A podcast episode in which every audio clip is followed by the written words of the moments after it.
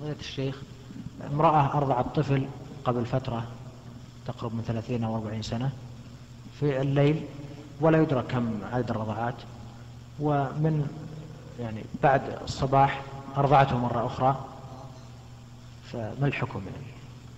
ولا تدري أيضا. لا ما تدري. آه آه إننا سنعطيك قاعدة مبنية على أثر. الرضاع لا يحرم إلا إذا كان خمس رضعات معلومات.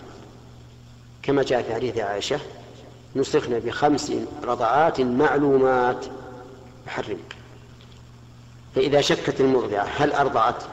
هذا الطفل أو لا؟